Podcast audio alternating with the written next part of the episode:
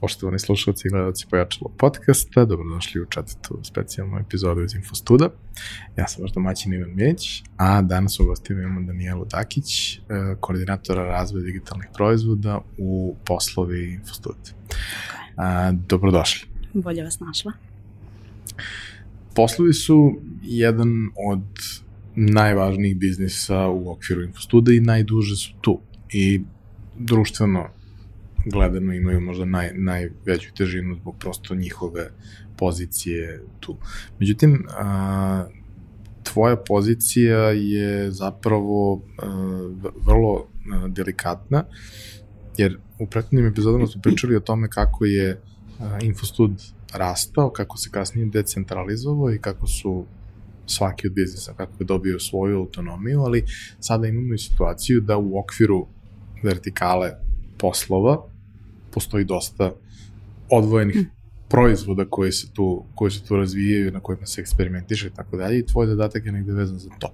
Objasni nam malo šta tačno tvoj posao podrazumeva. Mm -hmm. Dobro.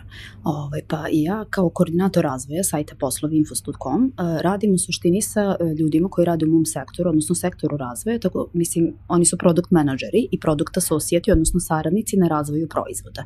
Oni su podeljeni u više timova i jednostavno eh, svaki tim razvija određeni sklop proizvoda u okviru sajta poslovi. Ono što je moj zadatak zajedno sa šefom razvoja jeste da brinemo o strategiji i da brinemo o tome da se rade prave stvari u pravo vreme, način na koji će oni to da rade, manje više dosta, dosta uh, uh, ostavlja njima na zadatak da, da oni osmisle kreativne rešenja ili bilo šta drugo.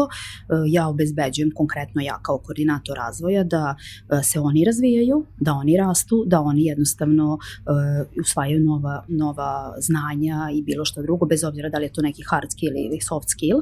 Tako da u suštini moj zadatak jeste da, da svi timovi, odnosno ljudi u, tim timovima rade prave stvari u pravo vreme, a i da jednostavno njihov put ide ka tome da, da ovaj, razvijaju sve, sve veći veći broj proizvode ili bilo šta slično. Uh, I tvoja priča u Infostudu je kao i priča svih sagovornika u ovom serijalu. Uh, svi ste vi tu dugo, svi ste tu desetak i više godina. Brana je 21, to je ok, ekstremno, da. ali ona je jedan od, od suosnivača. Uh, I svi ste došli najčešće su to neke pozicije nakon fakulteta ili neki od prvih poslova koji se rade, a onda ste kroz organizaciju rasli i razvijali se u, u ono što ste danas, a to su neke od ključnih pozicija u, u firmi. A, koja je bila tvoja pozicija? Kada si došla u firmu, koja je bila tvoja ulazna pozicija u Infostud? Mm -hmm. Pa konkretno u Infostud e, sam došla, evo sa 1. aprila će biti ravno 10 godina, znači 2011. godine 1. aprila. E, bilo je to zanimljivo zašto sam došla među prvima, pošto je bio 1. april, niko se nije pojavljivao, pa sam bila kao da, da li me neko zeza da treba danas da dođem. Ove, šalu na stranu.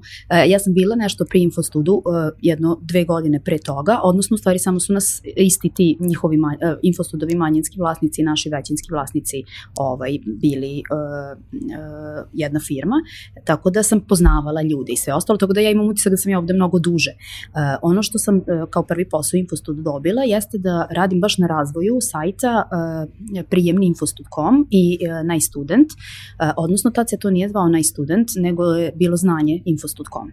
Tada je moj prvi zadatak i to bukvalno posle nedelju dana bilo da od znanja infostud.com napravimo dva sajta kurseve.com i najstudent.com. Tako da ja sam vodila ovaj deo za najstudent i to je bila nekako moja prva prva beba u Infostudu u tom nekom smislu, tako da sam dosta dugo radila na razvoju. E, nakon nekog vremena sam postala koordinator tog tima, kasnije direktor e, svih tih sajtova u stvari za visoko obrazovanje i to je trajalo tako nekih sedam godina e, kada sam posle drugog porodilskog se desilo da smo odlučili ipak da odustanemo od sajta prijemni, zato što uh, smo shvatili jednostavno da je to na godišnjem nivou, e, uvek su druga, druga ciljna grupa, e, novi marketing, sve iz početka, jednostavno hteli smo da se pozabavimo samo najstudentom. Ja sam se tad vratila u, u, posle porodilskog na poziciju razvoja ovde u poslovima, zato što je to nešto što sam ja inače pre radila, razvoj, ovaj, tako da u suštini kažu da znam dobro i sa ljudima, tako da ta neka koordinatorska pozicija je bila nešto što je, što je onako i meni kliknulo na prvu loptu, s obzirom da se bavim razvojem ljudi i sve ostalo, tako da evo tri godine sam sada u, kao koordinator razvoja sajta poslovi. Um, ono o čemu ćemo danas pričati kao neko, nekoj centralnoj temi je uh, kako to izgleda kada praviš sajtove koji uh, su, koji koristi jako veliki broj ljudi, ali isto tako da dominantno to nisu visoko obrazovani ljudi, da su to prosto ljudi iz neke generalne populacije i praviš nešto što treba da bude jednostavno i jasno za korišćenje manje više svima, odnosno ako nije jasno svima, onda nisi uradio dobro posao. A takođe radiš razvoj uh, nečega što uglavnom već postoji i već funkcioniše, samo je cilj da se unapredi i bude bolje. Kroz ovaj serijal smo dali nekoliko uh, vizura uh, na, na to, ovaj, a sada bih volao da damo i vizuru iz, iz tvog ugla, sa ugla uh, product developmenta. Mm -hmm. uh, poslovi su naj uh, zahtevniji u smislu tu su najduže, najvažniji su, od njih se počinje, oni su nešto od čega najveći broj ljudi zavisi na, na nekom na dnevnom nivou, da zavise ljudi od polovnih automobila i da najviše volimo i mi koji imamo i ne planiramo da menjamo kola da listamo, to je sve lepo, ali ovo je nešto što ljud, najviše utiče na živote ljudi, utiče na veliki broj ljudi, veliki broj ljudi već duže vreme. Mm -hmm. I prosto samim tim odgovornost je veća, samim tim izazov je veći. Kako izgleda uh, rad na, na tom proizvodu i proizvodima u okviru toga iz tvog ugla? Uh mhm. -huh. Pa mislim u suštini uh, tu može da se priđe sa, sa dve strane. Mislim jednostavno mi možemo tehnički da razvijamo stvari i proizvode kako bi rešili neke probleme, a uh, takođe i suštinski, odnosno da pokušavamo da menjamo uh, ili da edukujemo ljude u nekom pravcu kako bi to što smo tehnički napravili moglo da pod znacima navode pije vodu. Da, kao što si rekao, to je masa različitih korisnika, znači stvarno različitih od mlađe populacije ka starijoj i od one koje, koje imaju srednjoškolsko obrazovanje i traže neke NKV pozicije do ljudi koji, koji su programeri ili imaju visoko obrazovanje, tako da jako je teško ukalupiti jedan proizvod u, u tako da odgovara svima. Mi gledamo da taj osnovni, osnovne stvari koje, koje su bitne da se dese, da budu najjednostavnije moguće i da jako edukujemo ljude, znači jako puno radimo uh, i radionica i objašnjavanja i kako da, uh, kako da konstruišu svoj CV možda kandidati. S jedne strane nama ciljna grupa jesu kandidati, s druge strane su nam poslodavci koji mogu biti diametralno različiti od kandidata, a i sami poslodavci uh, su od čoveka koji jednom godišnje traži pekara u svojoj maloj pekari, do ljudi koji na godišnjem nivou zapošljavaju preko 200-300 ljudi e, različitih e, kalibara, znači e, od možda, ako je proizvodna firma, od IT-a koji će da, da se bavi tamo nekim postavkom sistema i ostalih stvari, do toga da traže bukvalno radnika na mašini. Ono što gledamo jeste da taj veći deo stvari koje radimo e, stvarno budu razumljivi svima. Odnosno da e, ta najosnovnija stvar da čovek može da pošalje na najjednostavniji način svoju prijavu na neki oglas omogućemo što, što lakše možemo. Jedna od stvari smo sad, na primjer, stavili da registracija bude samo na jedan klik. Znači jednostavno da pokušavamo da spustimo to na nivo da, da je najjednostavnije sa nadograđivanjem određenih stvari koji su bitni e, nekim drugima. Znači neki ljudi su možda sada pasivni kandidati, jednostavno ne traže aktivno sada posao, ali njih možda zanima profil poslodavaca koji je bitan da vide aha, da li mi je ovaj poslodavac poslodavac e, primamljiv ili nije, da li jednog dana želim da radim ovde ili ne. Tako da u suštini određene stvari neće biti bitne svima, ali jednostavno gledamo da, da raznolikim proizvodima koje imamo za svakoga nađemo po nešto, a to osnovno da bude svima jednostavno i lako, odnosno da kandidat pošalje svoju prijavu na posao, a s druge strane da poslodavac može vrlo lako uh, da postavi uh, oglas za, za posao, odnosno da u formularu za, za postavku oglasa to uradi najjednostavnije moguće. A onda već idemo sa ostalim nadograđivanjem uh, naprednih korisnika ili bilo šta drugo. Posebno je interesantno kada imaš uh, dve interesne strane koje ne mogu da funkcionišu jedne bez drugih. Ako nema oglasa, neće biti ni zainteresovanih. A ako nema zainteresovanih, onda dugoročno neće biti ni oglasa. I taj balans između svega je uvek izazovan. Posebno što samo jedna od te dve strane predstavlja izvor prihoda za razvoj da. sajta. Ali su obe važne Jeste. i obe ne smiju da se izgube iz vida. A, ono što se meni recimo čini kao jedan posebno veliki izazov je to što kako se priča razvija, a ona traje već 15 godina, mislim, traje više, ali ja kažem mm -hmm. 15 u nekom ozbiljnijem obliku, za tih 15 godina se drastično promenilo tržište rada.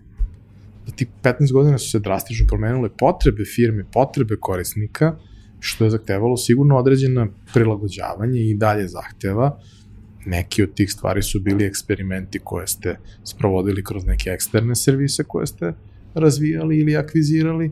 Neki, neki su uspešni, neki su procenjeni da nisu uspešni, ali prosto iz, iz tvoje vizure e, šta je to najvažnije što se promenilo i na koji način ste vi odgovorili na te nove zahteve? Pa ono što se možda promenilo je da e, sada e, se više možda poslodavci bore za kandidate. Ranije je možda bilo obrnuto, međutim sada mora, moraju i oni sami da shvate da je potrebno da rade na svom brendu, na, da rade na svom e, načinu koji se predstavljaju e, tim kandidatima. Međutim, nije to svim kandidatima ni interesantno. Znači, ukoliko je recimo glavni problem kandidata e, to što mu niko ne odgovara na njegove prijave, e, baš će njega briga biti što mi imamo savršen profil ili neki poslodavac koji žele tako da se predstave uh, svojim kandidatima. Uh, s druge strane, problem što neki kandidati ne dolaze na intervjue, uh, a uh, tu kažemo da ima jako puno ljudi koji, koji se opet ne dobiju povratnu informaciju. Tako da jako je teško nekako uskladiti jednu i drugu stranu priče. Uh, jednostavno uh, moramo da gledamo nekada uh, šta je ono što, uh, što je trenutno najpotrebnije da se radi bez čega ne može da se funkcioniše, odnosno bez čega cela ova priča ne bi, ne bi bila kako treba, to je upravo taj začaran krug što si rekao. Znači, ukoliko mi nemamo ljude koji će se prijavljivati na, tu, na te pozicije, mi nećemo imati uskoro ni poslodavce, odnosno te pozicije i obrnuto. Ovaj, tako da, gledamo da da kao posrednik nekako olakšamo jednima i drugima stvarno uh, celu tu priču. Imali smo recimo jedan primer, aha, znači recimo poslodavci ne šalju odbijenice ili uopšte bilo kakav povratnu informaciju o konkursu. I sad mi smo pošli od pretpostavke da je to jako jeli, velik problem i ajde da ispitamo. Uh, krenuli smo da, da vidimo šta se tu dešava i na kraju se ispostavilo pozivom nekih 20 uh, poslodavaca da smo recimo došli do toga da 95% njih ipak odgovara, ali samo uh, ljudima koji su došli u uže izbore. Znači oni jednostavno ne vide za shodno da se jave možda svima. Ljudima koji očajnički možda traže posao, jednostavno je bitno da dobiju čak i ako nisu prošli dalje da znaju na čemu su, jer verujem da oni nekad nisu ni svesni na koliko su se prijava prijavili u tom trenutku. Tako da nekad je potrebno validirati tu pretpostavku, uh, zato što bukvalno kad ti tržište priča, kad, kad slušaš toliko, jednostavno počneš i ti da veruješ da je to tako, onda samo gledaš, ajde da još više olakšaš olakšamo, da ta odbijenica ili e, poziv na intervju bude na jedan klik iz tog softvera, e, da pokušamo, odlazimo kod konkretnih poslodavaca, damo njima konkretnu stvar, da vidimo kako se oni snalaze, pratimo gde klikću, zašto klikću, kako klikću, postavljamo pitanja, tako da ne sugerišemo odgovore, a da opet dobijemo ono što je nama interesantno, tako da jednostavno na taj način pokušavamo da izađemo jednima i drugima u susret. Jer što više radimo posao poslodavcima, radit ćemo ih i kandidatima i obrnuto.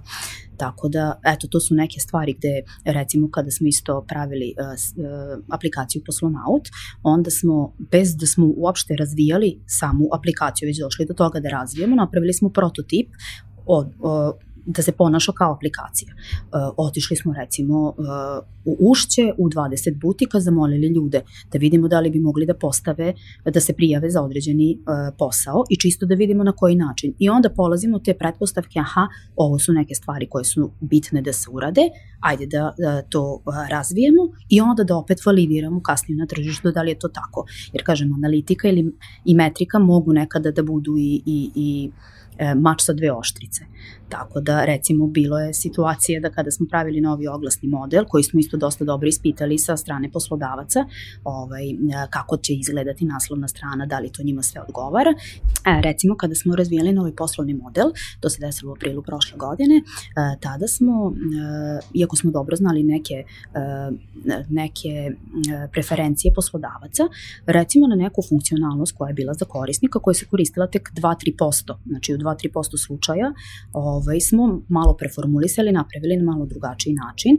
Ispostavilo se da je to bila greška koju smo shvatili istog trenutka kada smo pustili taj novi oglasni model i e, napravili vest koje su sve izmene koje mogu da ih čekaju, da su svi krenuli sa tim zašto ste ukinuli funkcionalnost da pogledamo oglase koji su postavljeni danas, juče, u poslednja dva ili sedam dana. Mi smo stavili to na malo drugačiji način.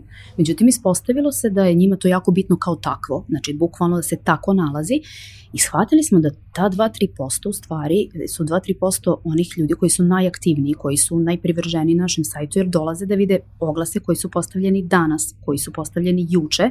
Jednostavno bitno im je da iz dana u dan imaju taj uh, update stvari koje, koje su se desile na sajtu dok ih nije bilo. Mi smo možda mislili notifikacijama, nekako da ih, ali jednostavno tog trenutka je njima to radilo posao i onda smo jednostavno shvatili da čak i ta mala cifra može nekada da znači mnogo više. Mislim, vratili smo funkcionalnost bez, bez neke velike polemike, ljudi su se ovaj, jednostavno smirili, shvatili su da, da, da im je to bitno, mi smo shvatili šta u stvari treba, znači jedna strana priča ne mora uvek da bude.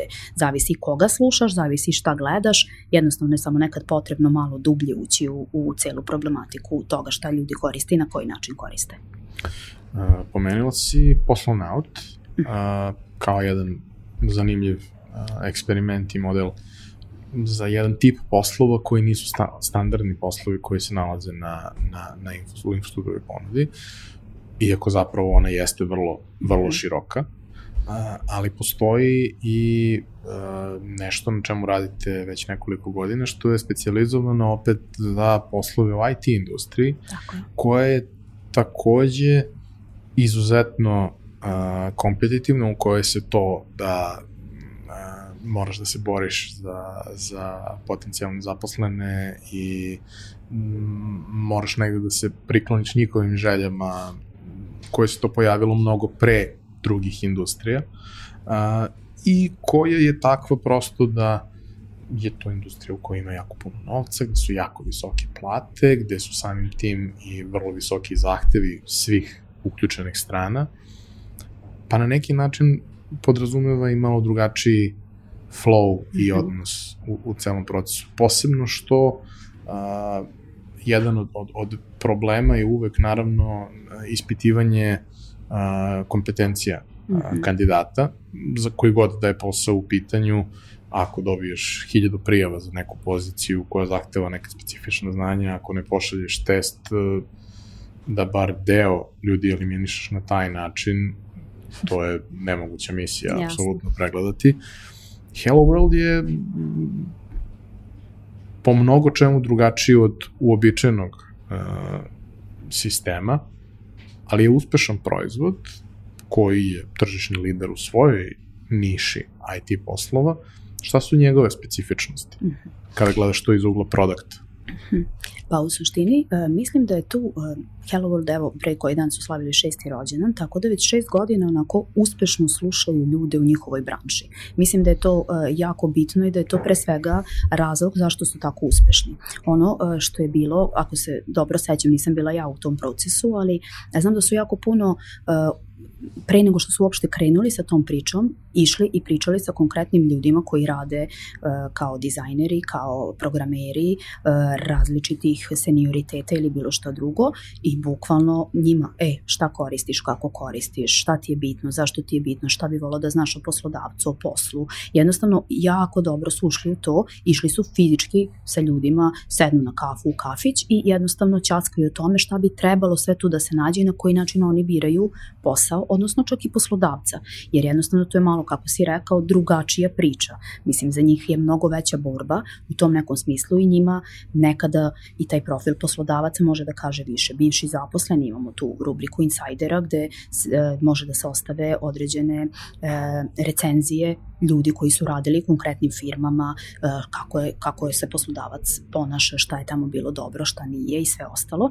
Tako da jednostavno samo prilazimo na drugačiji način, zato mislim da mora biti uvek odvojen deo od sajta poslovi koji je za širu, širu populaciju. Jednostavno ovde je malo obrnuta priča, ovde možda čak i sam kandidat bira poslodavca, traži poslodavca, tako da jednostavno je drugačija priča, ali mislim, kažem, da se jako dobro klapaju zato što jako puno razgovaraju sa svojim korisnicima, e, da li lično, da li putem e, newslettera koji, na koji ljudi jako puno odgovaraju, koji je onako lično pisan od strane naše koleginice Tamare, koja to vrlo, vrlo dobro radi i jednostavno zna onako da, da ima taj prijateljski odnos sa njima, gde će oni uvek onda vratiti povratne informacije šta im je dobro, šta nije. Tako da mislim da je to, to razlog zbog čega su toliko uspešni jer konstantno e, slušaju e, šta je to što korisnicima bitno.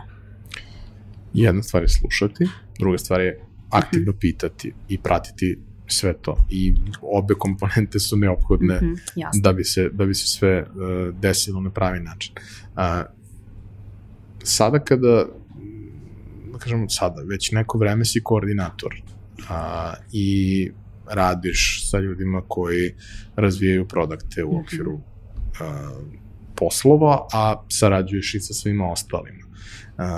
Na koji način se dolazi do novih funkcionalnosti, na koji način se rešavaju, se prate prosto neke, neke tržišne stvari koje, koje sada treba da, da, da dodatno razvijete, jer prosto postoji nešto što radi, dala si neke primere gde je nastao problem, jer delovalo je, neki procenti su rekli da da to možda nije toliko važno, ali realnost je pokazala da zapravo -hmm. jeste, da postoji ponekad ta razlika između nekog broja i, i, i neke realne situacije.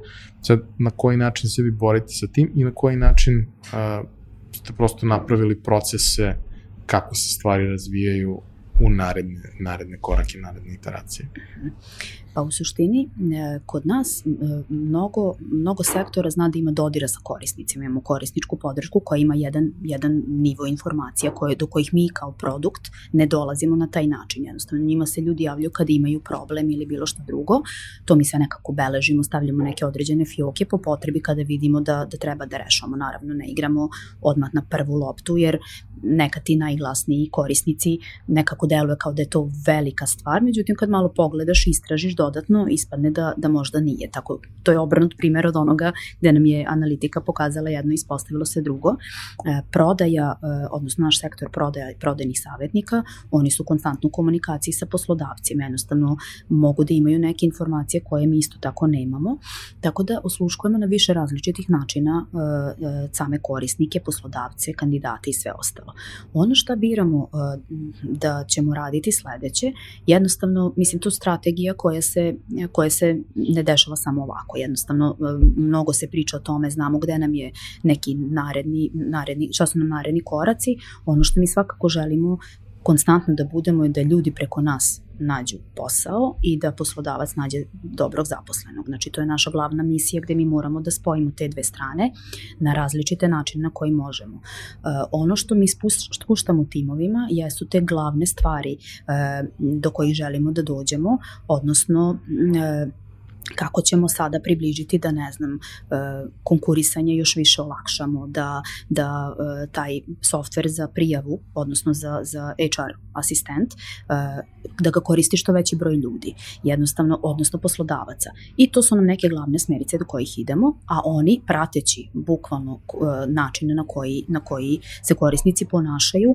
gledaju šta je to što sledeće što treba da razvijamo dosta toga je na slobodi samog tima odnosno kako ćemo nešto da radimo više na njima. Šta ćemo da radimo, to se donosi sa tržišta od strane, kažem, bukvalno svih i ljudi koji su mnogo duže u, u firmi koji su u izvršnom odboru poslova, koji rade sa konkretnim korisnicima i sve ostalo i to nekako na, na jednom mestu gledamo da, da spustimo sve te glavne strategije i ciljeve šta želimo da postignemo, a onda koja će to funkcionalnost biti, to je više kažem na, na samom timu, da nešto malo pustim, radimo nekad neka AB testiranja, puštamo MVP na 5% korisnika, 10%, pratimo kako se ponaša, vraćamo nazad ako nije dobro i jednostavno samo gledamo na taj način da se što više ovaj, približimo njima i da gledamo da ta masovnost upotrebe bilo čega od, to, od tih softvera bude što veća. Jednostavno da znamo da, da radimo posao e, znači što veći broj ljudi e, i to je to u suštini. Tako da... A, cela infostud priča je postavljena tako da e, je mnogo ljudi koji su tu od početka došlo bez prethodnog a, mm -hmm. realnog biznis znanja već su da kažem, u samoj kompaniji se razvijali do, do nivoa na kome su danas, kao što rekao na početku, to su sada već većinom neki veoma značajni ključni ljudi u, u firmi. Um, ali ono što, što je negde važno uh, je da s jedne strane nije postojalo znanje jer je bila potpuno nova stvar i ljudi su a, prikupljali znanje usput, sistematizovali ga i prenosili ga dalje, a u samom procesu vremenom je Infostu došlo do toga da može da zapošljava i sa tržišta ljude koji su veoma, veoma traženi i interesantni za ono što, što, što, je, što je kompaniji potrebno, ali da može da ciljeno stvara ljude na nekim pozicijama koje mogu da im budu značajne. Um, u e, timu sa kojim ti radi, sa kojim ti radiš je takođe bilo uh, takvih nekih situacija gde se neka specifična znanja i iskustva uh, ljudi koji, koji su deo tima uklopljeno sa njihovim željama pretvore u nešto novo. Imali smo u jednom od prethodnih razgovora pomenuto to da prosto Infostud, pored eksternih konkursa, ima i interne konkurse koji omogućavaju mhm. ljudima da izraze interesovanje za, za neki novi posao u okviru grupacije i da možda ne odmah, a nekad i odmah, ali naprave korak u smeru onome što, kao onome što žele da rade. Uh, koji su bili primjeri u tvom mm -hmm. timu za tako nešto? Mm -hmm. Pa da, mi smo imali u suštini od kad sam ja ovde recimo e, dva interna, interna ovaj, e, primanja pod znacima navoda, odnosno ljudi koji su već bili u sistemu poslova i poznaju poslove, koleginica koja je radila e, prodaju i to prodaju sa tim klijentima koji imaju manje potrebe za zapošljavanjem na godišnjem nivou, je prešla da radi neke stvari za poslonaut, za istraživanje tržišta tamo poslonauta i sve ostale stvari. I onda smo jednostavno shvatili da ima znanja u korisnicima, odnosno poslodavcima, da je dobro ide istraživanje, da e, na dobar način zna da ispita potrebe, a da ne bude, da ne sugeriše iste, iste te, ovaj, iste neka rešenja ili bilo što drugo. Jednostavno smo shvatili da e, može mnogo da pomogne timovima u samom istraživanju potreba, kako kandidata, tako i poslodavaca. Tako da to je neka nova funkcija, recimo od pre jedno 2-3 meseca, međutim sad se već pokazalo kao jako, e, jako korisno i koliko god smo na početku misli pa da li će imati dovoljno sad možda uh, posla na početku dok to ne krene, vrlo ima posla, znači non stop nešto treba da se istražuje, non stop nešto treba da se ispituje, jednostavno to je jedan od dobrih, uh, dobrih pomeranja u okviru samih poslova, jer smo čoveka koji zna da osluškuje potrebe ljudi, samo prebacili da to radi na drugačiji način, ne kako bi završila neku prodaju ili bilo što drugo, nego kako bi što više razvijali, razvijali mi sajt, uh, sajt na pravi način. Uh, takođe smo kolegu koji je radio u oglasnom uh, primili da bude product manager, isto zbog toga što je konstantno pokazivao interesovanje za nekim promenama. Tačno je mogo da zna šta, je, šta su to neke stvari koje bi unapredile, e, da li samo tu administraciju, preko koje mi postavljamo oglas ili bilo što slično. E, kolega ima jedan,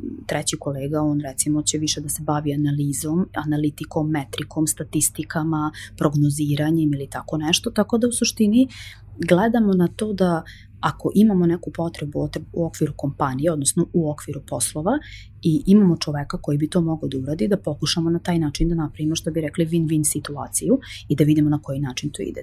Bukvalno smo mi neke od tih uh,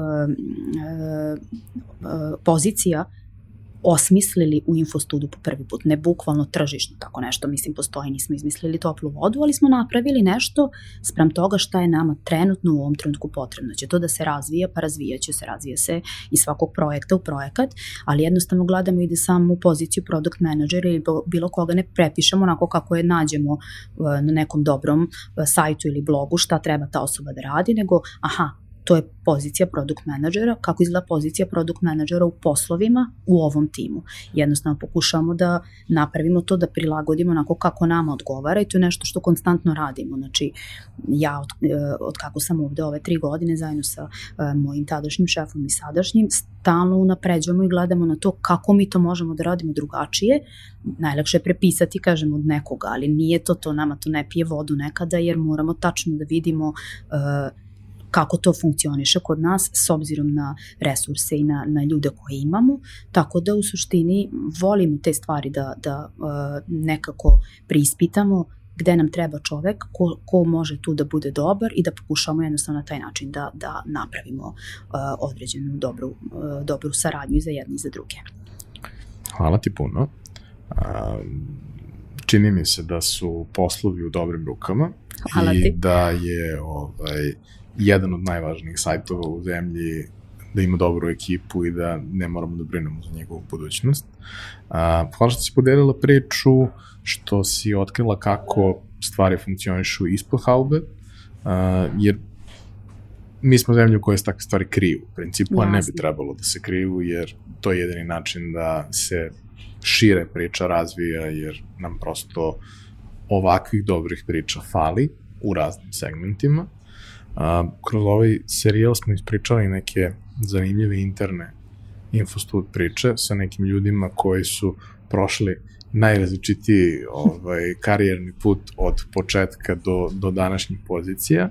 A, ti si bila jedna od njih i ovo je poslednji razgovor u, u okviru toga, ali nadam se da sada svi koji nas slušaju i gledaju imaju malo jasniju sliku o tome kako zapravo izgleda a, Infostud grupa i sve članice grupe, sve ove, vertikale koje, koje Infostud a, ima i na koji način će se razvijati dalje. A, hvala vama što ste nas slušali i gledali. Vidimo se naredne nedelje. Pozdrav.